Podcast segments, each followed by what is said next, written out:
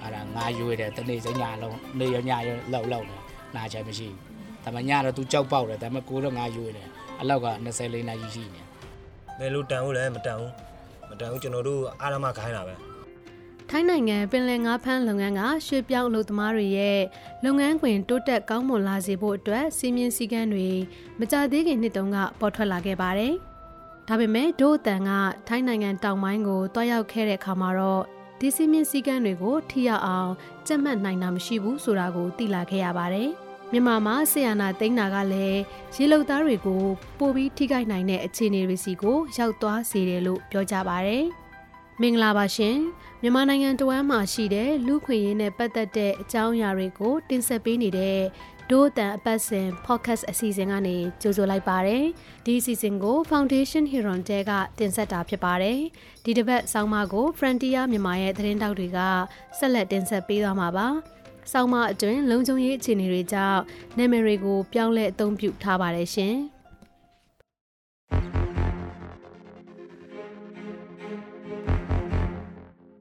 သူငါးသီးမှမိုးသေးတယ်ငါးသီးရဆိုရင်အလောက်အလောက်နာချင်မရှိဘူး အဲ့ဒါငါရွေတယ်တနေ့စညလုံးနေရညရလောက်လောက်တယ်နာချင်မရှိဘူးဒါပေမဲ့ညတော့ तू ကြောက်ပေါက်တယ်ဒါပေမဲ့ကိုတော့ငါရွေတယ်အလောက်က24နာရီရှိနေ तू ကယူတဲ့ငါကိုဘာလဲခြေနဲ့ထည့်ပေါ့မယူတဲ့ငါကိုပါကင်နဲ့ရပ်ချလိုက်ပေါ့အဲ့ဒါတော့အလောက်လောက်တာမပြီးမချင်လောက်ဒီမှာတော့မပြီးတော့ပိုက်ချတယ်မိုးလင်းဝါပိုက်ချမယ်ဆိုပိုက်ချ ဦးမောင်ကထိုင်းကန်းလွန်ပင်လဲငါးဖမ်းလုပ်ငန်းမှာလှုပ်လာတာနှစ်20ကျော်ပါပြီငါးဖမ်းလေးပေါ်မှာအလုတ်ချိန်ထက်ကျော်ပြီးလုပ်နေရပေမဲ့လည်းအချိန်ပိုကြီးမရပါဘူးအဲ့ဒါအပြင်ငါးဖမ်းတဲ့ရက်ပဲပတ်စံရပြီးတော့ကြံရက်တွေအတွက်လည်းပတ်စံမရပါဘူး ပြပြဝဝနဲ့ရခဲ့တယ်မရှိပါဘူး။ဥမာ तू ကလာနဲ့လာနဲ့ကိုယ်ခိုင်းတယ်။ခါကျရင် तू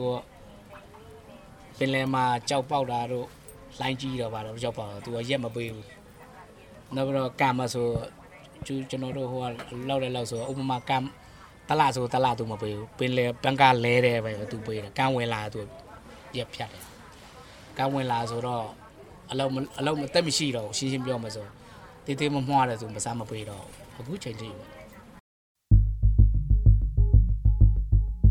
ဒီလိုကြုံနေရတာကသူတယောက်တည်းမကပါဘူးကိုတက်ဆိုရေလောက်တာလောက်သက်12နှစ်ရှိပါပြီ။ သူလေတခါလိုက်တုံးကဆိုလာစာတထောင်ခွဲနဲ့သဘောတူပြီးလိုက်ခဲ့ပေမဲ့သူ့စာချုပ်ထဲမှာ12000ပဲဖြစ်နေတာကိုနောက်မှသိရပါတယ်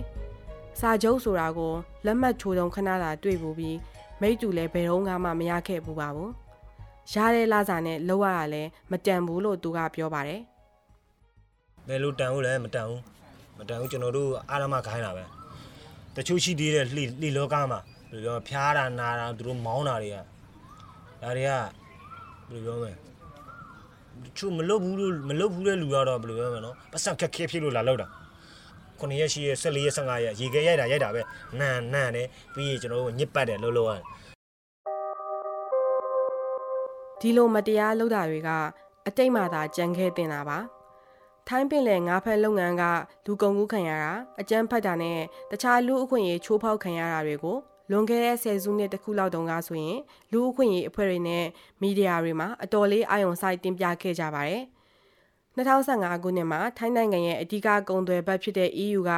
ထိုင်းကနေပင်လယ်စာတင်သွင်းတာကိုပိတ်ပင်ခဲ့ပါတယ်။အဲ့ဒီကစားလို့ထိုင်းအာဏာပိုင်တွေဘက်ကပြုပြင်ပြောင်းလဲမှုတွေလှုပ်လာခဲ့ပါတယ်။ ရေလုတ်သားတွေအတွက်ကောင်းမွန်တဲ့လုပ်ငန်းခွင်ဖြစ်အောင်ဖန်တီးဖို့ရည်ရွယ်ပြီး2019ခုနှစ်မှာအပြည်ပြည်ဆိုင်ရာအလုပ်သမားအဖွဲ့ချုပ် ILO ရဲ့ငါးဖက်လုပ်ငန်းဆိုင်ရာညီလာခံကသဘောတူစာချုပ် C1AA ကိုသဘောတူလက်မှတ်ရေးထိုးခဲ့ပါတယ်။ဒါပေမဲ့ရေလုတ်သားတွေကိုအကူအညီဖြစ်စေမဲ့စီးမင်းတွေကိုလိုက်နာအောင်မကြက်မတ်နိုင်ဘူးလို့တက်ကြွလှုပ်ရှားသူတွေကဆိုပါတယ်။ကိုညီညီကရေလုတ်သားတွေကိုကူညီနေတဲ့အဖွဲ့တစ်ခုမှလောက်ကင်နေသူပါ။ ငါးဖမ်းလေရှင်တွေကလှေမထွက်ခင်စိတ်ကမ်းမှာစစ်ဆေးရတွေအောင်ဖို့တေချာလှုပ်တက်ကြပြီမဲ့ပင်လေထဲရောက်ရင်တော့ကန်းတုံးကနဲ့လုံးဝတခြားစီဖြစ်ကုန်တယ်လို့သူကပြောပါတယ်။ထိုင်းရဲ့ဥပဒေအရဆိုလို့ရှိရင်ပေါ့နော်ဒီလေလုပ်ငန်းခွင်တွေမှာဘယ်လိုလဲ အင်တာဆိုတာရှိရမယ်ဆိုပြီးတော့သူတို့ပြထားတာအဲဟိုသဘောတူညီချက်အရပေါ့နော်ဒါပေမဲ့လေတွေမှာအင်တာဆိုတာမရှိဘူးသူတို့ဘန်းပြလောက်ပဲရှိတယ်ပြောမှဆိုလေရဲ့အနောက်ပါပေါ့နော်နည်းနည်းတန်ဝရင်စော်ပြီးတော့ဟိုလုံချုံတဲ့ပုံစံမျိုးလေးဘန်းပြတာလေးတွေရှိတယ်အဲ့မှာဟိုဟိုလေရှိကြတယ်ဒါပေမဲ့တကယ်တကယ်ကြောက်လို့ရှိလို့ရှိရင်ပင်လေရောက်သွားလို့ရှိရင်ဒီဟိုဓာတ်တွေကိုသူတို့ကပြန်အပေါ်ပြန်ယူတင်လိုက်တာဒီဘာလို့ငါးဖမ်းလဲပိုက်ချလို့ချင်းတော်တော်ကြီးတက်တဲ့ခါသူတို့အဆင်မပြေဘူးပင်လယ်မှာလှေသားတွေကအင်တာတွေပဲတက်မယ်ဆိုလို့ရှိရင်သူတို့လှေရဲ့အနောက်အပြင်ကိုထွက်လာတယ် အပြင်မှာကျိုးလေးရှိတယ်အဲကျိုးလေးခါမှာခွင်းစွတ်ပြီးတော့အဲ့လိုမျိုးအဲ့ဒီနေ့မှာအင်တာတက်ကြရတယ်ပေါ့နော်အဲ့လိုမျိုးဖြစ်တဲ့ခါဘာဖြစ်လို့တခါကျရင်ပင်လယ်ဆိုတာလှိုင်းတဲ့လေနဲ့ဖြစ်တဲ့ခါသူတို့တခါကျရင်အဲ့မတော်တဆရည်တဲ့ကြကြံပြီးတော့အသက်ဆုံးရှုံးခဲ့ရတဲ့အခါလေးလည်းရှိတယ်လှေမှာရေလုံသားတွေအတွက်တောက်ရည်တန်းဆိုတာမရှိပဲသုံးရည်ချိုးရည်ကိုသာတောက်ကြရတယ်လို့ကိုညီညီကပြောပါတယ်။ဝမ်းလျှောတာနဲ့ကျန်းမာရေးပြဿနာတွေဖြစ်လာရင်ဆေးဝါးမရှိတာကြောင့်တေဆုံးရတာတွေလည်းရှိနေပါသေးတယ်။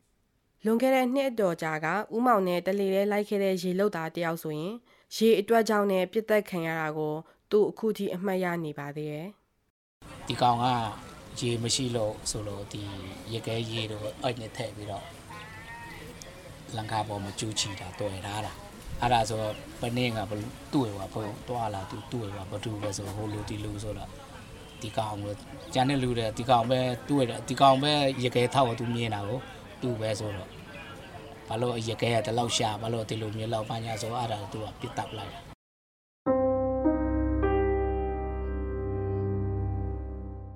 ဒီကိစ္စဖြစ်ခဲ့တာကတော့နှစ်တည်ကြာခဲ့ပါပြီ။ဒီနေ့ကာလမှာတော့အဲ့လိုဆိုးဆိုးဝါးဝါအကြမ်းဖက်တာတွေနဲလာတယ်ဆိုတာကိုတော့ဥမောင်လက်ခံပါတယ်။ဒါပေမဲ့လည်းတစ်ဖက်မှာတော့အပြောင်းလဲဆိုတာနည်းနည်းသာရှိခဲ့ပြီးအာနာသိမ့်ပြီးနောက်ပိုင်းပိုးတော်ပြန်ဆိုးလာပါတယ် ရင်တော့တခုတခုလေးခေတ်ဆိုသူလောက်ချင်တယ်လို့လောက်လို့ရတယ်လေတော့အောင်ဆန်းစုကြည်ရှိတော့ကဆိုတော့မစိုးဘူးနည်းနည်းခွေးရည်တယ်ပါတယ်နည်းနည်းတားတယ်ပေါ့အဲ့လိုမျိုးဖြစ်လာတာအခုကျတော့ဒီဒီဟိုဟာဖြစ်တော့ပြီးနောက်ပိုင်းကရှောက်ထိုးနေတာပဲပြောမဆိုရကိုရမယ့်ဟာလည်းမရဘူးပေါ့။ဒီနှစ်အပိုင်းခြားတွေမှာအလုတ်တွေရှားလာတယ်လို့ဒိုးအတန်နဲ့စကားပြောပြခဲ့တဲ့တက်ကြွလှုပ်ရှားသူတွေနဲ့ရေလုတ်သားတွေကပြောကြပါတယ်။ ဆရာနာသိမ့်ပြီးမြမစီဝါရေးကြဆင်လာတာကြောင့်လဲထိုင်းနိုင်ငံဘက်ကိုလှုပ်ရှားဖို့ပြောင်းလာတဲ့ရွှေ့ပြောင်းတွေလည်းများလာပါတယ်။အခုနိုင်ငံရေးအခြေအနေတွေကြောင့်ရေလုတ်သားတွေမြန်မာနိုင်ငံကိုပြန်လို့မရတာမပြန်နိုင်တာကိုထိုင်းလှည့်ရှင်တွေကလည်းသိကြပါတယ်။ဒါကြောင့်ရေလုတ်သားတွေဘက်ကပျော်ဖို့ဆိုဖို့အားမရှိသလိုဖြစ်နေရပါ။သူတို့ကိုကူညီနိုင်ကောင်းတာတခုကတော့တမကပါ။ထိုင်းနိုင်ငံကလက်မှတ်ရေးထိုးထားတဲ့ ILO ညီလာခံသဘောတူညီချက်အရ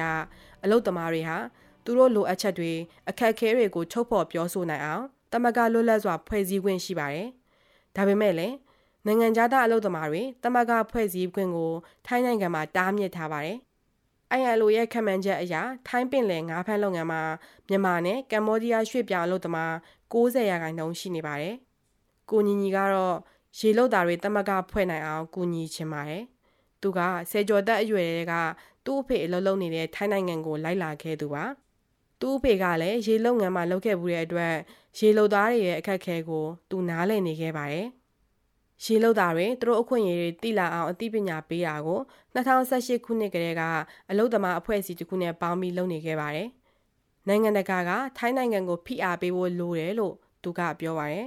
ဒီထိုင်းနိုင်ငံရဲ့ငါးတွေက ထိုင်းနိုင်ငံမှာနေရောင်းတာမဟုတ်နိုင်ငံတကာကိုတင်ပို့ရောင်းချဟိုဘက်ကဘိုင်းယာတွေရှိတယ်ဟိုဘက်ကအဝယ်တန်းတွေရှိတယ်အဲ့တော့ဒီသူတို့သိစေချင်တာကသူတို့ကဒီပြောမဆိုသူတို့အဲ့နိုင်ငံတကာမှာစားနေတဲ့ငါးတွေထိုင်းကတင်ပို့တဲ့ငါးတွေကကျွန်တော်တို့မြန်မာအလုပ်သမားတွေဖမ်းဖမ်းနေတာပေါ့နော်ကျွန်တော်တို့ဟိုကမ္ဘောဒီးယားလူသမားမြန်မာလူသမားတွေတချို့အတက်နဲ့ပါပေးပေးစားလိုက်ခက်ခက်ခဲပင်ပန်းပန်းလှုပ်လှုပ်ပြီးတော့ဖမ်းပြီးတဲ့ငါးတွေသူတို့အေးအေးစားနေရတယ်ပေါ့နော်ဆိုတော့ဒီလူသမားတွေတို့လူခွင့်ရေးချိုးဖောက်မှုတွေရနိုင်မယ်ဆိုဟိုဖြစ်နေဦးမယ်ဆိုလို့ရှိရင်တော့သူတို့လည်းဘယ်လိုလဲသူတို့စားနေတဲ့ငါးတွေသူတို့လေးပြတ်တတ်မယ်လို့မထင်ဘူးအဲ့တော့သူတို့ရဲ့ ပူပေါင်းပါဝင်မှုလည်းကျွန်တော်တို့လိုအပ်တယ်သူတို့ကလည်းအစိုးရထိုင်းအစိုးရပေါ့နော်ဖိအားပေးပြီးတော့လူသမားခွင့်ရေးတွေတော့အားလုံးပူပေါင်းပါဝင်မယ်ဂလုနိုင်ငံတကာအင်အားနဲ့ပါဆိုရင်တော့ကျွန်တော်တို့ဒီထိုင်းအစိုးရကလည်းပို့ပြီးတော့ queue site လာပြီးတော့လုပ်မယ်ကြက်ကြက်မတ်မတ်ပေါ့နော်တီတီရောက်လုပ်မယ်ဆိုရင်တော့အောင်အောင်မြင်နိုင်ချေတော့ရှိပါ။အဲ့ဒီလိုအောင်မြင်မှုတွေကဥမောင်လိုရေလုံသားတွေစီကိုတော့လှင့်လှင့်မြက်မြက်မရောက်လာနိုင်သေးပါဘူး။သူ့ဘဝမှာခါတီးရဲ့အတွေ့အကြုံတွေကြုံခဲ့ရပေမဲ့ တနေ့နေ့ ILO ရဲ့စီမင်းတွေကိုလိုက်နိုင်အောင်အကောင့်ထဲဖော်နိုင်ခဲ့ရင်တော့ရေလုံသားတွေအတွက်မျှတမှုတွေရနိုင်မယ်လို့ဥမောင်မျှော်လင့်နေပါတယ်။ ကိုကသူတို့ကိုလှုပ်ကြွေးတာသူတို့ကိုယ်ကိုလည်း အားရှိအောင်မမွေးဘူးရှင်းရှင်းပြောမှဆို तू က तू ကောင်းစားဖို့ကြီးပဲ तू ကကြည်တယ်အဲ့လိုမျိုးကိုရဲအဲ့လိုကြီးတောင်းစားဘယ်လိုပြောမှဆိုဟိုကပေါ့မှန်ကန်တဲ့ဤစနစ်ပဲလိုချင်တာပေါ့နော် तू ပြောမှဆို तू လည်းအပူတောင်းလည်းလည်းမဟုတ်ဘူး သူတို့ထောက်ထားတဲ့ဥပဒေတိုင်းကို तू ကလိုက်နာစေချင်တာပေါ့အခုတင်ဆက်ပေးခဲ့တဲ့အစီအစဉ်ကို နားဆင်ကြရလို့ကျင့်တတ်မယ်လို့ဒို့အတန်ဖွဲ့သားတွေကမျှော်လင့်ပါတယ်။ဒီအစီအစဉ်ကိုအလှူရှင်တွေကပံ့ပိုးကူညီထားပြီး Frontier မြန်မာနဲ့ Foundation Heron Dero ကပူးပေါင်းတင်ဆက်တာဖြစ်ပါတယ်။ဒို့အတန်အစီအစဉ်ကို နားဆင်ပေးတဲ့အတွက်ကျေးဇူးတင်ပါတယ်ရှင်။